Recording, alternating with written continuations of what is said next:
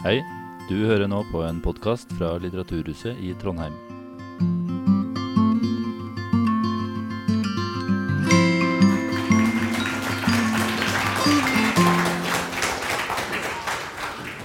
Velkommen til 45 minutters samtale om en 714 siders bok med et fyldig noteapparat. Det kan bli humpete, men eh, vi skal prøve å 814. 814 hvis du tar med notene, så 100. Vi skal eh, prøve å presentere denne boken og prosjektet og se hvor langt vi kommer i en eh, eh, hva skal man si, det er diskusjon av det som er en biografi, en idéhistorie, en reiseskildring, en antropologi. Og sånn kan jeg fortsette i ganske mange ord. Um, men først av alt så vil jeg eh, gå i diskusjon, eller i hvert fall høre litt om denne bokens tilblivelse. For det som slår leseren når man har sittet og lest her over et par hundre sider, er at denne boken ikke ble til i fjor, og ikke i forfjor heller. Men at det man kanskje sitter og leser, er Morten Strøksnes sin debutbok. Det er bare at han skrev ti bøker før eh, denne ble ferdig. Altså, eh, ja, Det er jo faktisk ikke så langt fra sannhet. Når, eh, når den her kom ut i, for nøyaktig et år siden, så var det 20 år siden jeg fikk stipend for å skrive den. Før, før jeg hadde gitt ut noe som helst.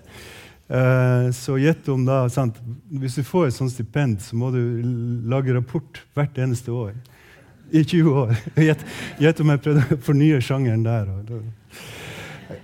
Og, så skrev jeg det, da ni andre bøker jeg kunne ha redefinert det stipendet til å gjelde de bøkene, men da tenkte jeg det er ikke snakk om det. Den boka er i høyeste grad levende i meg. Den tar bare utrolig lang tid fordi jeg må eh, ta det bit for bit. Det ene arkivet etter det andre, i det ene landet etter det andre. Og vi snakker liksom kan være 10 000 håndskrevne sider i ett av arkivene.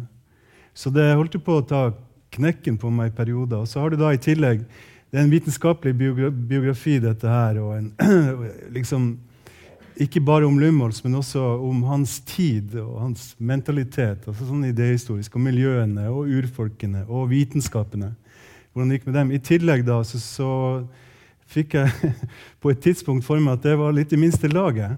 Sånn at jeg bestemte meg for å reise i fotsporene til Lumholz helt nøyaktig alle de stedene han hadde sine ekspedisjoner, inkludert gjennom eh, det indre Borneo inn i Sierra Madre-fjellene og til Australia, til urskogen der. da. Så eh, ja, det er min, eh, en forsinka debutbok. På, på omslaget av pocketutgaven nå har vi begge to representert her, så står det 'Verden rundt i sporene til en glemt hvit oppdager på leting etter alt som ble borte, og det som ble igjen'.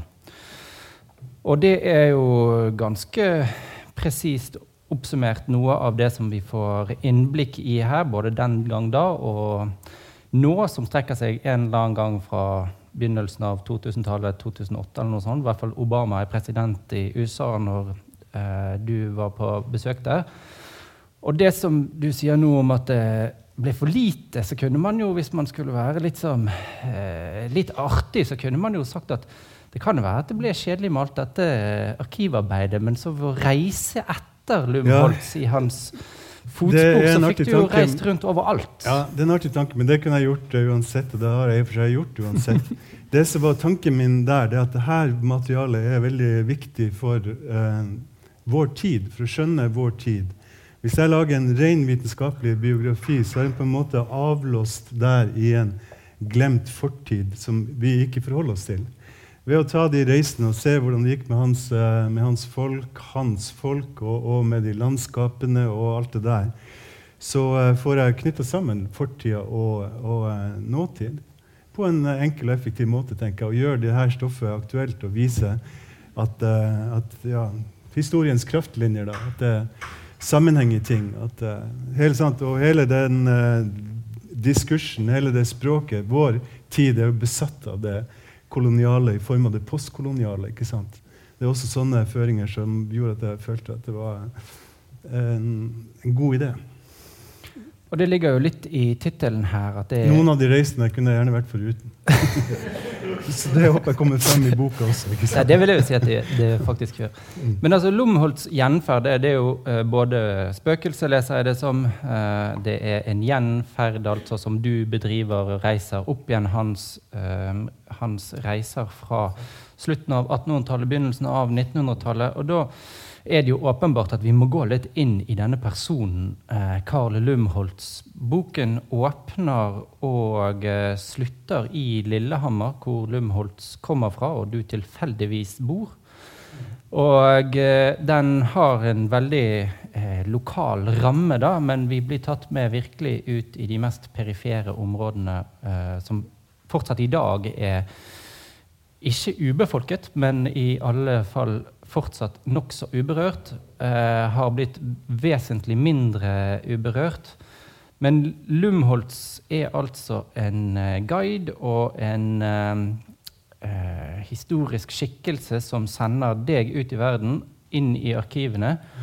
Og i, selv om jeg er en eh, nokså høyt utdannet type, interessert i 1800-tallet, har lest masse litteratur fra den perioden, så er ikke Lumholtz, Carl Sofus Lumholtz en person jeg har støtt på særlig mange ganger.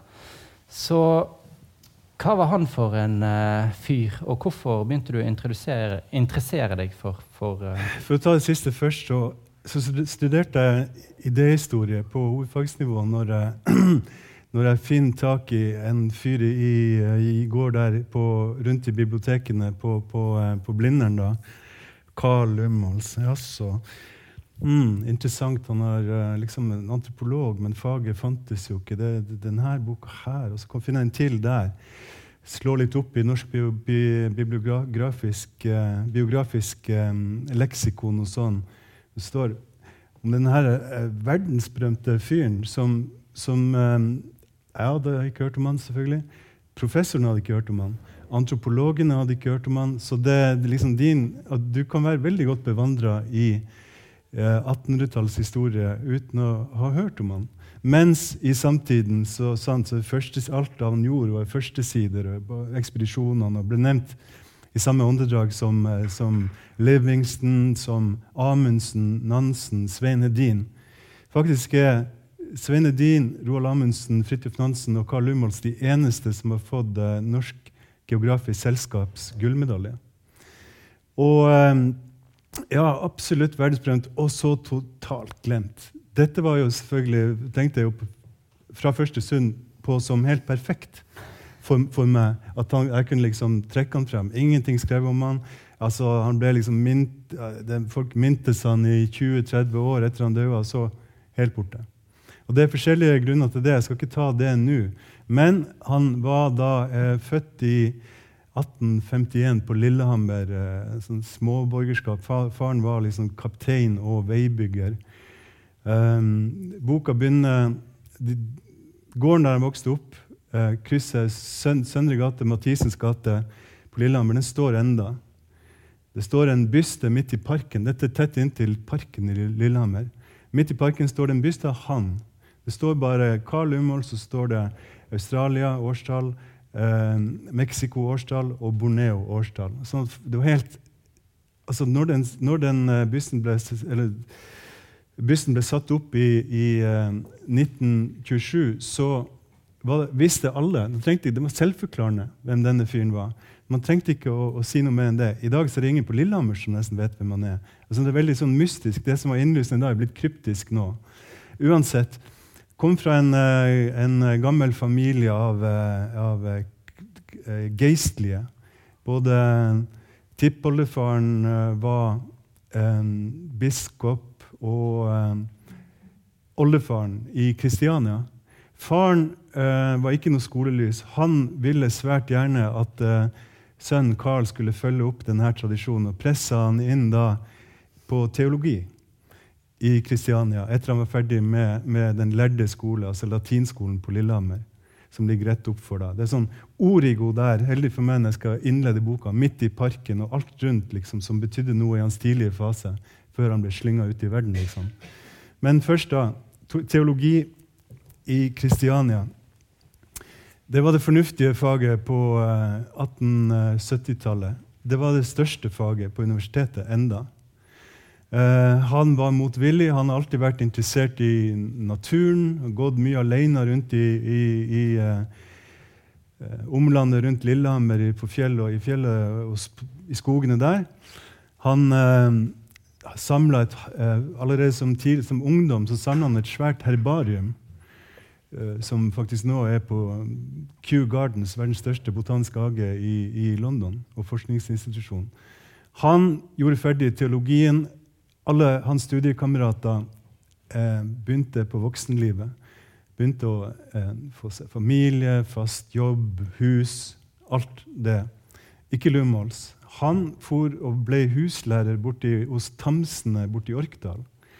Og eh, flytta hjem igjen. Han, det gikk mange år, og han eh, begynte ikke på det voksenlivet. Det var et eller annet liksom, feil. Han ble en såkalt eh, boomerang. Altså en som forlater hjemmet og så kommer tilbake igjen etter studiene.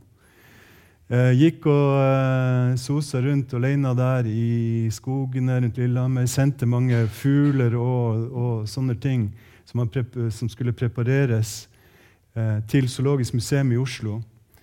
Og kjørte livet sitt rett og slett inn i en blindgate helt til, til han trekte utgangsbilletten. Kan si Han gjorde seg disponert for flaks, kanskje. fordi at han som har sittet og tatt imot disse fuglene som Lumholz har eh, samla og sendt inn, eh, bare som en entusiast, Robert Collett, sønn til eh, Camilla Collett, hadde også eh, altså Han må ha helt garantert sett en yngre Lumholz i seg sjøl. Familien pressa han til å eh, studere juss. Faren hans, Pet, eh, Robert, nei, unnskyld, Peter, døde da han var ung. Camilla Collett skulle frigjøre seg eh, flytta til København for å skrive 'Amtmanns døtre'. Og mens hun skulle skrive 'Amtmanns døtre', så sendte hun eh, sønnen til amtmann på Lillehammer.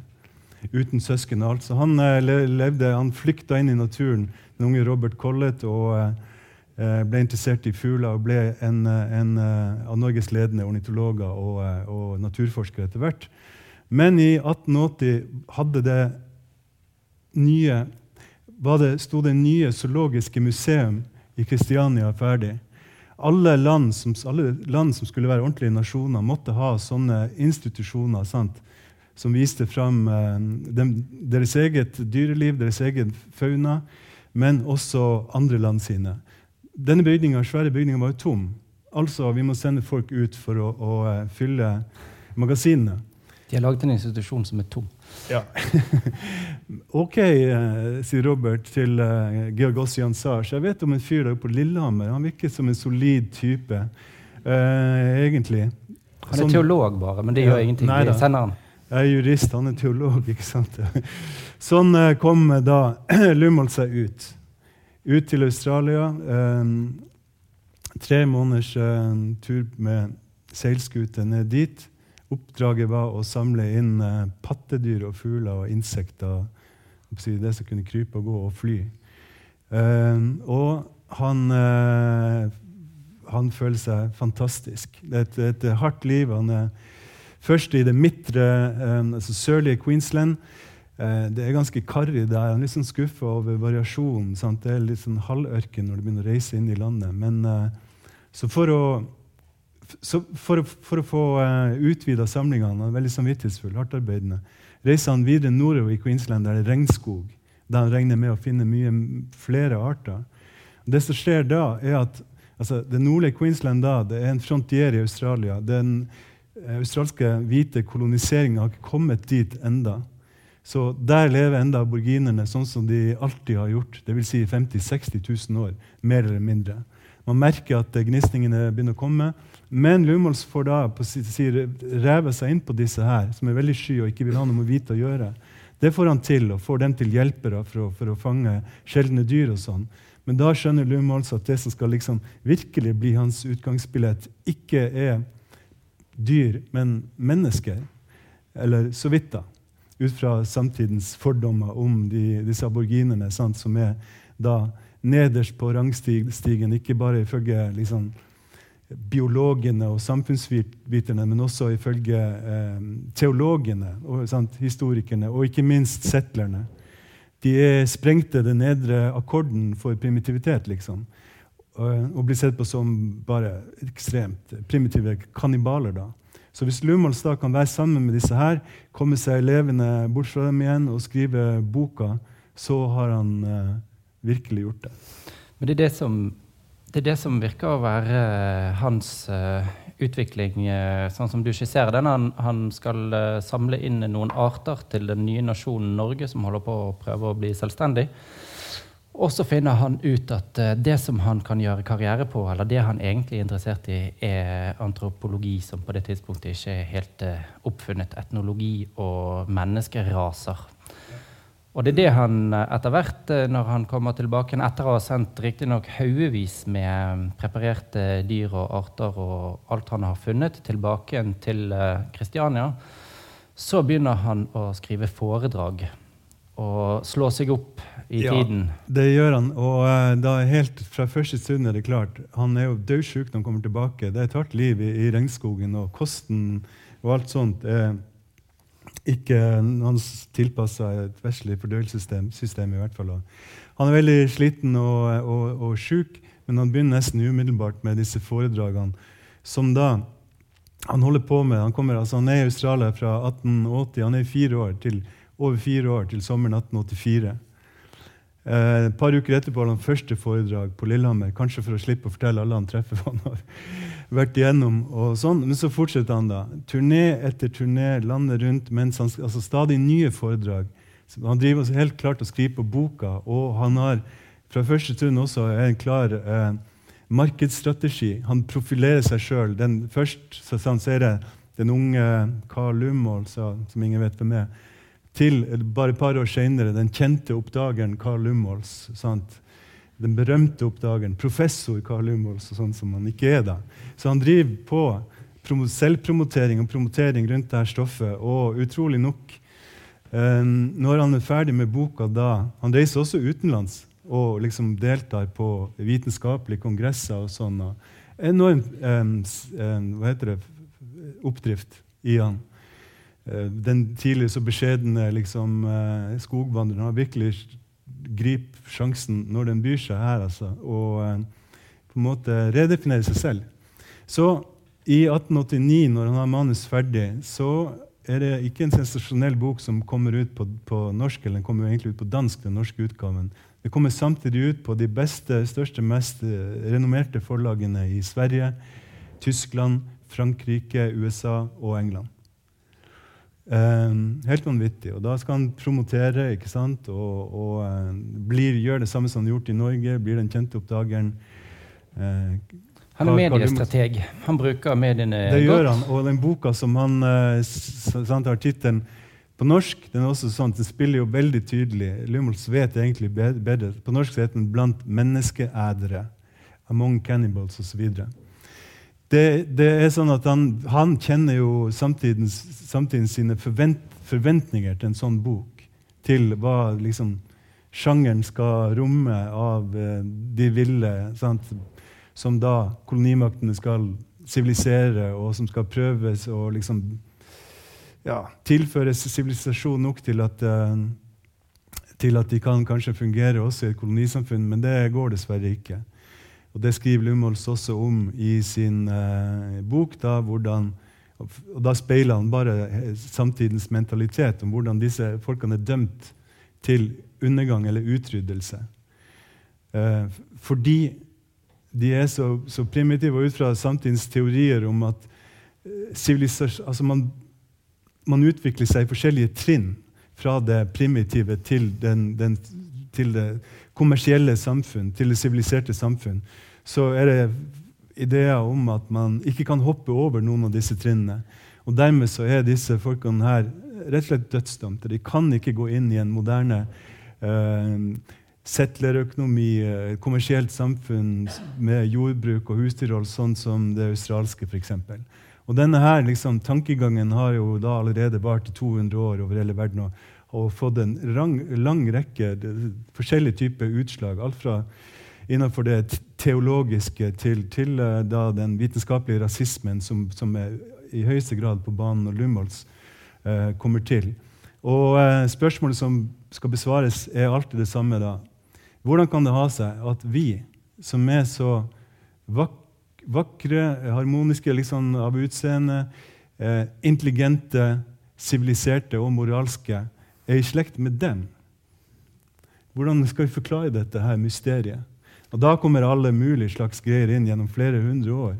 Teologene sier ok vi, vi, vi gå, Jeg tror vi skal gå inn på, på svarene til Lumholtz. Eh, for de, det, det, er veldig spennende, og i hvert fall måten du skriver på de, og aspektene av forventninger som han trekker på og, og nyanserer, og hvordan han posisjonerer seg. Men, men, han blir jo etter hvert, eh, når han da har slått seg opp med denne boken, så gir han seg jo ikke. Da skal han, Det urfolk og de primitive han vil studere. Og da har han på en måte bare begynt. Da har mm. han slått seg opp, og han mangler Han er fortsatt ikke noen rik mann. Han kommer fra Nei. Lillehammer, og han har vært ett sted. og Han har blitt allerede liksom tatt imot i vitenskapelige samfunn, men han vil videre.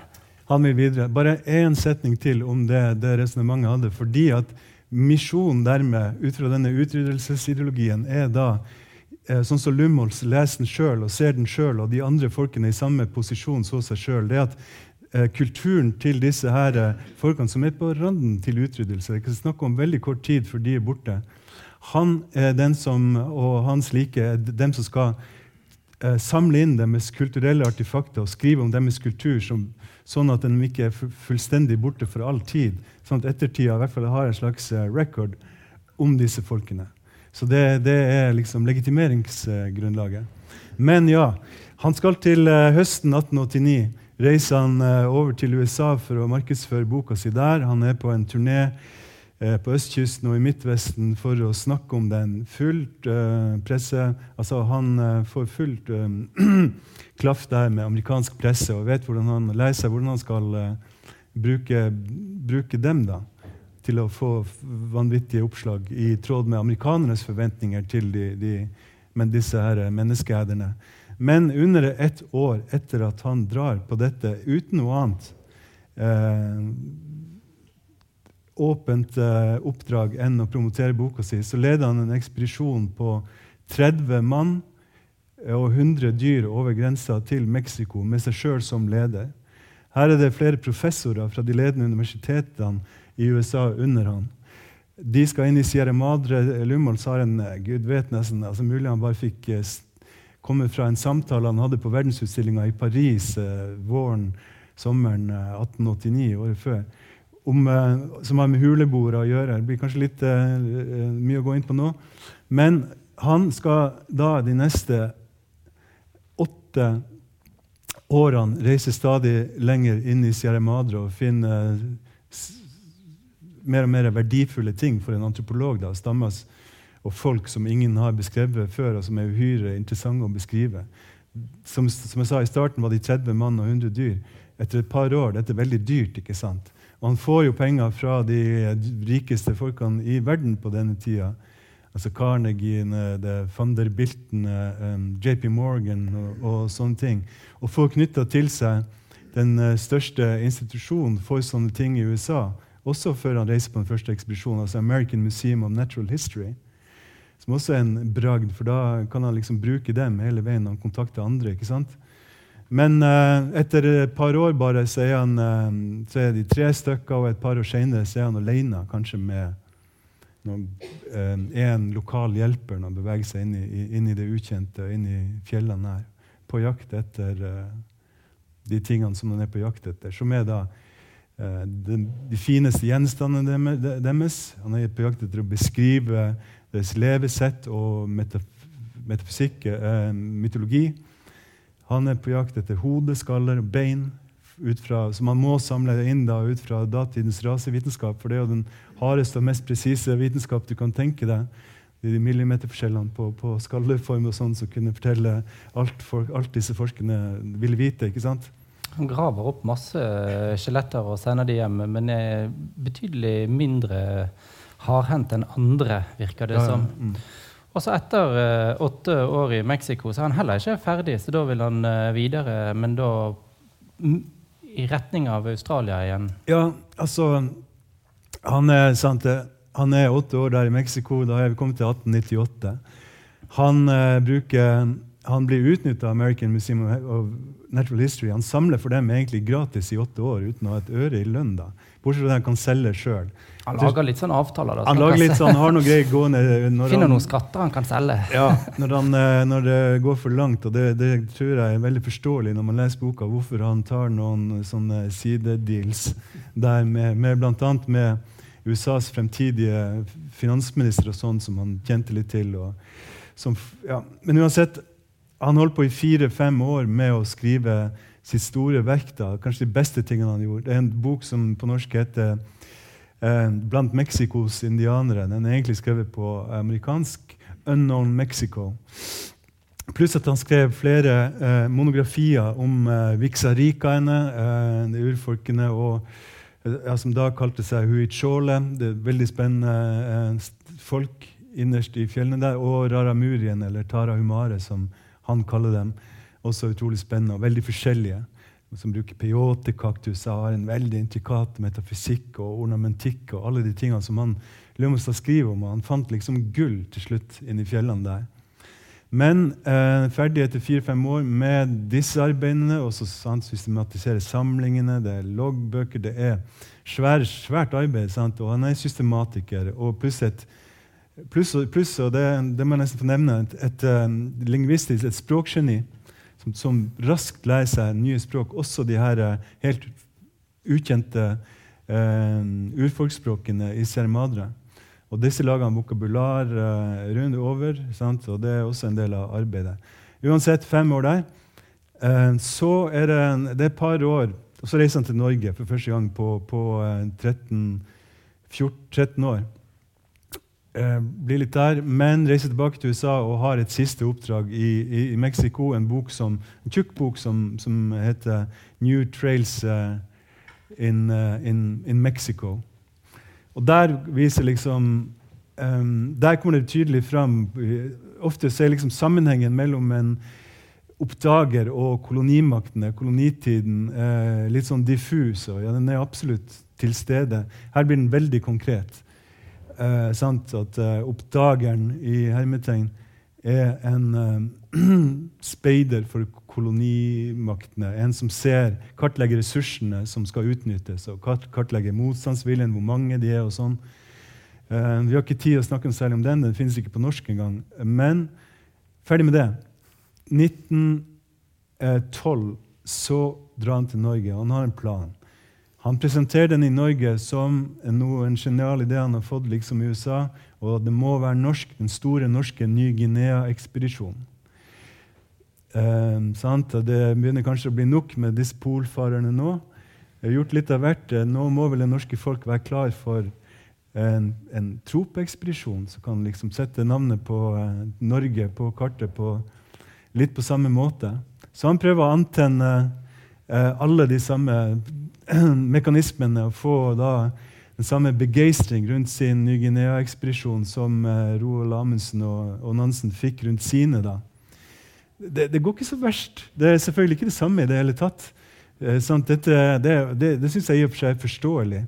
At eh, For en, en sånn type aspirerende nasjon som Norge og disse, det ble jo symbol og, på hele nasjonens kraft. Og I tillegg så planta de det norske flagget rundt på, i isødet og gjorde oss til en potensiell kolonimakt. Rett foran nesen på de etablerte kolonimaktene sine folk. ikke sant? Men Lumholz, ja, han får samla inn 100 000, og det er altså disse, Altså, det er jo ganske betydelig pengesum. Betydelig pengesum. Sånn som det foregikk disse ekspedisjonene, en stor del ok, det var bidrag fra Stortinget, og sånn, men det var et folkeløft. ikke sant? Folke, eh, en, et, eh, hva heter det? en dugnad. da, Nasjonal dugnad. Han får mange til å, eh, til å støtte seg og får noe penger fra det offentlige til slutt. Og eh, reiser av gårde. Eh, sommeren 1913, da jorda rundt for å komme seg til Batavia, dagens Jakarta, som er eh, da hovedstaden i det nederlandske Holland, i nederlandsk Holland. ikke sant? Eh, hele greia er jo en eh, nederlandsk koloni på denne tida. For å liksom gjøre seg For liksom oppvarminga sin skyld, for å, eh, samle, for å samle mannskap, rekruttere mannskap. Dra han til Borneo, også for å samle masse gjenstander. for det er også en veldig interessant øy, åpenbart. Han reiser til Borneo, eh, blir der. Det er fantastisk å være der opp gjennom elvene. Kommer i kontakt med urfolk, kjøper inn masse, får eh, rekruttert folk. Uansett, som, sommeren, eh, sommeren 1918 Eh, I slutten av eh, juli blir det vel, så er han klar. Han, hans folk, 100 mann, venter på Sulawesi. Han skal bare tilbake til, eh, til eh, Batavia for å få med seg den hollandske marinen, og så er de på vei. De skal krysse. Han har en hemmelig plan om ikke bare å reise så og så langt inn i Ny-Guinea, i det totalt utforska Ny-Guinea, som er rosinen i pølsa for folk som dette for han, ikke sant? juvelen i krona. det er liksom, Alle snakker om det. Nei han skal over de 4000 meter høye fjellene og ned på andre sida. Noe som i hvert fall ingen har gjort. Men hva, men hva skjer dagen før uh, han uh, skal sette i gang andre verdenskrig? Nei, unnskyld, første verdenskrig. Og uh, hollenderne får veldig kalde føtter. Du, tyskerne har en liten koloni på andre sida der. Vi kan bli dratt inn i krigen når som helst.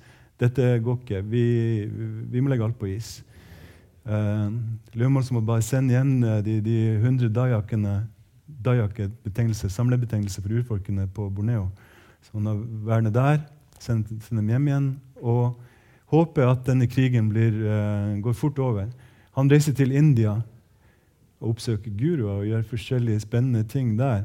Det blir en, en fin tur, det, for han. Men et etter ett år så tenker han det, dette som alle trodde, denne galskapen må være slutt i løpet av en måned eller to. Jeg ser Det kan gå, gå, på i flere år. Og Han kan ikke sitte i flere år i India og vente på at den krigen skal ta slutt. Så som en slags nødløsning så bestemmer han seg for å gjennomføre da, for det kan han få til, eh, ekspedisjonen gjennom det sentrale Borneo. Og eh, han gjør, gjør, det, da. Og eh, eh ja. Han er ikke så ung lenger da. Da er han begynt å bli gammel. Ja, det, han er jo det. Kommer, sant, han uh, kommer tilbake til USA da i 1917, og da har han mange uh, Blant annet sånn filarisis, er ikke det det uh, Alltid liksom problemer med, med A-en og R-en i det ordet. Men det betyr elefantsyke uansett. Han fikk det underveis på Borneo. Han hadde, hadde malaria i mange år. Eh, forskjellige andre typer trop, mystiske tropelidelser. Sånt. Det er et veldig hardt liv han, han lever. Så, men han, eh, han, får da skrevet boka 'True Central Borneo'. To, to, bind på amerikansk og engelsk. Egentlig ganske flott verk. Sett, eh, tar omstendighetene i betraktning. Ikke Hvis noen som er veldig interessert i dette, glem den norske utgaven. Um, under tropenes himmel. Det er en forkorta utgave av den uh, amerikanske og er til dels komplett uforståelig hvis man prøver å lese virkelig og følge med hva som skjedde der og der. Så, uh, og den finnes på, på, på nettet, digitalisert og sånn. Men uansett, han får unna den eh, reise i 1920 igjen tilbake til Norge. for liksom, Den blir også oversatt fra amerikansk, ikke av han for å promotere dette her arbeidet. Hver gang han har vært hjemme. Han har vært hjemme ikke så mange ganger, men noen ganger siden han forlot Norge for å dra til USA. ikke sant? Så er det festmiddager på, um, rundt omkring, og han får mye heder og ære blir han til, tildelt. da, og, og veldig mye presse selvfølgelig om den store oppdageren som er blitt så internasjonal, og kommer hjem til lille oss og sånn type greier. Og da skal han jo også egentlig på en ny ekspedisjon? Han eh, begynner å bli han er, han er 70 år, ikke sant? Snart. Og så da dør han egentlig? Det... 70, 70 år. er, er dødsjuk, legger seg inn. Sant? Han bor på hotell i New York. Ja, det kan han gjøre i måneder og år nesten i slengen. på ganske fine hotell. Det er det han har penger til. liksom. Det er ekspedisjoner må reise dødssyk, så ikke sponsorene, potensielle sponsorer skal merke at denne oldingen nesten ikke er helt frisk. Så man legger seg inkognito inn på, oppe i Saranac Lake, som har sånn tuberkulosehjem og rekonvalesens, sykehus, alt. Han legger seg inkognito der og, og, og dør, blant annet. Men den offisielle dødsårsaken er tuberkulose, som uh, Tre-fire tre, av hans søstre døde av denne sykdommen. Han hadde under dette her beinharde livet med alle de fysiske anstrengelsene, han hadde tuberkulose latent hele tida. Det er, fant jeg ut av i min research. Og eh, det er forskjellige typer av tuberkulose. Noen er sånn sakte greier. kan sette seg forskjellige. Mye mer variert eh, sykdom enn man skulle tro ut fra ja, Munchs malerier. og alt Det der. Det er ikke bare blodstyrtning, og så dør du. liksom. Det er alt mulig rart. det er jo en, en sykdom som passer bra til Lumholtz, siden man antok at Han eh, hadde det blodkreft, med- blodkreft i, i, i tillegg, og forskjellige parasitter. Det, det, han hadde nok til fire-fem dødsfall på veldig sånn døds... Uh, eh, mm, Og leier. Dette er da eh, Lumholtz sin oppdagerhistorie, og boken den er strukturert sånn at for hver gang eh, Lumholtz reiser på en ekspedisjon, så kommer Morten Strøksnes etterpå og reiser opp igjen så godt det lar seg gjøre de samme stedene. Så først så følger vi Lumholtz i Australia, og så følger vi Strøksnes i Australia, og så går det sånn gjennom alle de ulike stedene. Og akkurat i de møtene der som du innledet denne samtalen med, både hva skal si, spennet fra at Lumholtz i 1880 tar seilskute eh, til Australia, og at han mot slutten av sitt liv egentlig er blitt litt, eh, om ikke utdatert, så er han blitt eh, Teknologien og samfunnet har beveget seg ganske betydelig frem til 1920. Det spennet som du følger i biografien, samtidig med at du legger på din egen tid, så, og, i i, mye i dialog med den beskrivelsen som Lumholtz eh, faktisk gir av disse urfolkene. Og områdene, eh, geografien, skikkene, mytologien eh, som sender deg inn igjen der. Der tenker jeg at eh, På én side så kunne man jo i vår tid sagt at ja, men altså, hvorfor skal vi lage en sokkel for en fyr som vi egentlig burde tatt ned fra sokkelen og begynt å snakke om kansellering? Din bok er et ganske sterkt argument for at eh, her, vi må se på hva de faktisk gjorde, og hvordan de tenkte. Men hvilke, hvilke Når du nå har lest det igjennom alt dette, du har reist i fotsporene hans, hvilke forestillinger er det Lumholtz produserer om de stedene han er, og de menneskene som bebor de stedene? Og hvordan oppfatter vi de i, Mm. i dag, når du, når du har gått igjen? Nei, La meg ta, ta et eksempel. Han, han, den Australia-boka, den første, der er han, når han gjengir da fordommene, australierne sine fordommer, hele verden sine fordommer mot aborginene, så er det grovt nedsettende betegnelser som, som eh, virkes, eh, vil, jeg tro, vil jeg tro, veldig støtende i dag. Så når jeg skal møte da de aborginske eldre i samme stammene som han eh, var sammen med, så jeg er nesten litt sånn nervøs. Det er jo litt pinlig her. og det... Jo, så møter da Russell Butler, eh, en sånn kjernekar, veldig godt humør. Selvfølgelig konstant utsatt for eh, rasisme enda, og han forteller meg Nei da, du, slapp nå av. Ja, ja, du ser jo han der, disse greiene her. Det, det er jo sånn som man fikk høre da. Men se nå heller på når han beskriver vår, vår kultur. Da forandrer tonen seg helt, og det blir eh, presise, ærlige observasjoner. Og vi kan bruke dette her verket til å rekonstruere. Vi er inne i en rekonstruksjonsprosess for å, å, å eh, se på hvordan vår kultur var, for den er blitt ganske ødelagt. Lumholtz er en gavepakke. Jeg prøver å undervise den til våre unge osv. Helt annerledes enn eh, hva, skulle, hva man skulle trodd. Ja, så må du huske, Han var jo enda en ung mann, og han reiste jo videre og gjorde store ting andre plasser i verden. ikke sant? Så det, Det samspillet synes jeg er veldig gøy og, og interessant å lese om. at, så at, at han, Denne Butler, hvis jeg ikke husker helt feil, så Ja. sier han at han har lært mye om sin egen eh, stammes ritualer, skikker, og de, de har på, ikke brukt det som en lærebok, men her er det eh, en beskrivelse som han fester lit til, Mm. og som de kan Etter at eh, si, disse hundre årene har gått, så har man glemt mye, og det er blitt enda verre enn på Lumholt sin tid, så man kan gå til det som et dokument som Nettopp. dette er oss.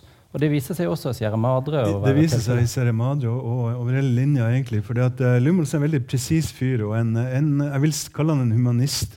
Det står ting i hans bøker som, uh, som virker helt hårreisende for hvis vi skal ta han ut fra vår, vår egen mentalitet og vår tids språk og dets lover og, og, og regler og kutymer. ikke sant? Mens man må jo, sånn som jeg tenker om de tingene, så må man prøve å forstå folk på sin egen tids premisser. Og vi har alle våre blinde flekker, og gjett om vi har det. ikke sant? At folk om 100 år kommer til å kansellere oss. hvis de så det, det syns jeg er mye mer interessant å prøve å forstå hvor alle disse her greiene kommer fra. og der er jo det sant, Derfor nøster jeg opp det ene til det andre, f.eks. dette med rasetenkning av rasismen og forskjellige typer eh, nivåtenkning rundt sivilisasjon og alt det der. Hvor kom det fra? Hvordan utvikla det seg? Hva slags lærdomstradisjon er det? Og Lumholz var ikke en posisjon som en ung jypling fra Norge til å stille spørsmål ved de største autoritetene i sin egen samtid. ikke sant? Så um, det, det, er mer min uh, på en måte metode. Og ikke, det kunne vært veldig enkelt å, å avfeide han og kansellerte han, men jeg syns han uh, ikke burde rives ned av den eneste statuen som fins om, om han.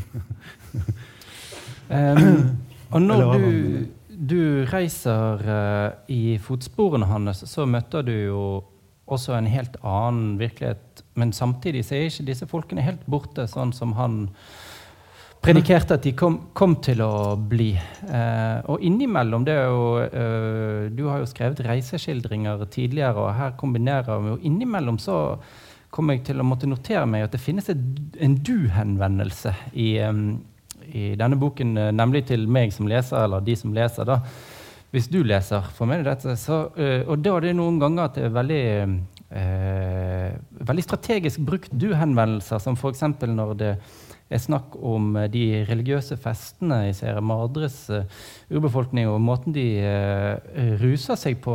Og så uh, står det også f.eks.: Jeg vet ikke hva du ville gjort, men jeg trenger ikke å si hva jeg gjorde. Um, ja, det okay, og, jeg husker den der. Det, det, det er snakk om noen som har liggende 10-20 kilo veldig fersk marihuana ved siden av der jeg, min kompanjong blir, får beskjed om å sove. da. Mens andre ganger så er det jo mer altså dette, Det er ikke noe uh, sånn uh, rusturisme jeg driver med, men uh, det, det, var den gangen. Men prøv også, som Lumholz, altså Viksarikaene, skråstrek Kuitsjålene og taraumarene har bruker veldig aktivt i alle religiøse sammenhenger en kaktus, en hallusinogen kaktus som heter peyote. Hikuli kaller de den for. Og eh, den skal åpne opp dørene til nye verdener. og sånn. Og Lumholz prøvde dette stoffet å beskrive kliniske virkninger. Og eh, det gjør jeg også, da, selvfølgelig. Det, Under en seremoni som, som, ville vært mer eller mindre helt nøyaktig, sånn som Lumholz opplevde den, mens han samtidig ut fra tidens mentalitet og ideologi var helt 100 overbevist om at disse her folkene var borte om noen få år. Men dette, her, her, skjer det et eller annet som vi skal avrunde med eh, i forsøket på å grave i arkiver, i å reise opp igjen, i å trekke historiske linjer, så du, skriver du et par ganger at det er som om du og Lumholtz møtes. Eh, eller eh, det, her er på en måte det, det, finnes noen biografiske ting som går igjen. Du, du følger reisen hans. Og det er også åpenbart sånn, uh, interesse for uh, metafysikken eller mytologien og også når rusopplevelsen eller liksom det her uh, Å tre inn i den kulturen du møter. I forlengelsen av å lese det Lumholt sier om den i sin tid Du kommer med din måte, bakgrunn. Og det er åpenbart at Mexico ser helt annerledes ut pga. narkotikakriminalitet og sånn. Men hva er det disse historiske sjiktene tillater deg å gjøre når du, når du beveger deg på denne måten, som, som du ikke ville gjort hvis du, hvis du, bare hadde skrevet en biografi? Ja, nei, Du er jo inne på noe der. Det, gir meg jo en enorm litterær frihet. Og, og også til å kjøre to sant? Det er jo en tjukk bok, og den, eh, en sånn type vitenskapelig biografi i seg sjøl kan være tungt. Det er jo litt for spesielt interesserte. Jeg tenker også ikke for å liksom gjøre det lekkert for leserne, men for å åpne opp forskjellige typer nye rom. da, Også uh, ha innimellom under mine reisepartier et helt annet språk som går mye fortere, og som er mye mer sånn, like til enn, en når man er på hans tidsplan. Så, uh, så sånn sett også. både på en måte, Det er mange gode grunner til å, til å, gjøre det på den måten som jeg har gjort det. Også litt rart. Fordi at den gir meg en enormt, det å være på mitt nivå gir meg en Eh, under mine reiser gir meg en, eh, som du har lagt merke til, en, en, en, veldig stor frihet som jeg kunne ikke skrevet på den måten i en ren historisk biografi. Og For oss som lesere så får vi også ta del i eh, si, møtene mellom disse ulike tidslagene og i arkivmateriale som er nokså usynlig. Vi kunne sikkert snakket mye om det eneste gang vi får vite om det, at det er så mye eh, materiale i det rommet du befinner deg i, at du har lyst til å dra på ut, sånn som eh, Lumholtz. Mm eh, ser ut til å uh, ikke ha vært så mye i arkivene som, som det. Nei, det, det, det er helt klart at han ikke hadde. Han var mer en handlingens mann, og dessuten så fantes ikke de arkivene. Det er folk som han og, han og liksom tusen andre i samme kategori som er arkivmateriale nå. Det er jo før, uh, før antropologien blir et fag, og det er en grunn til at han blir litt sånn glemt.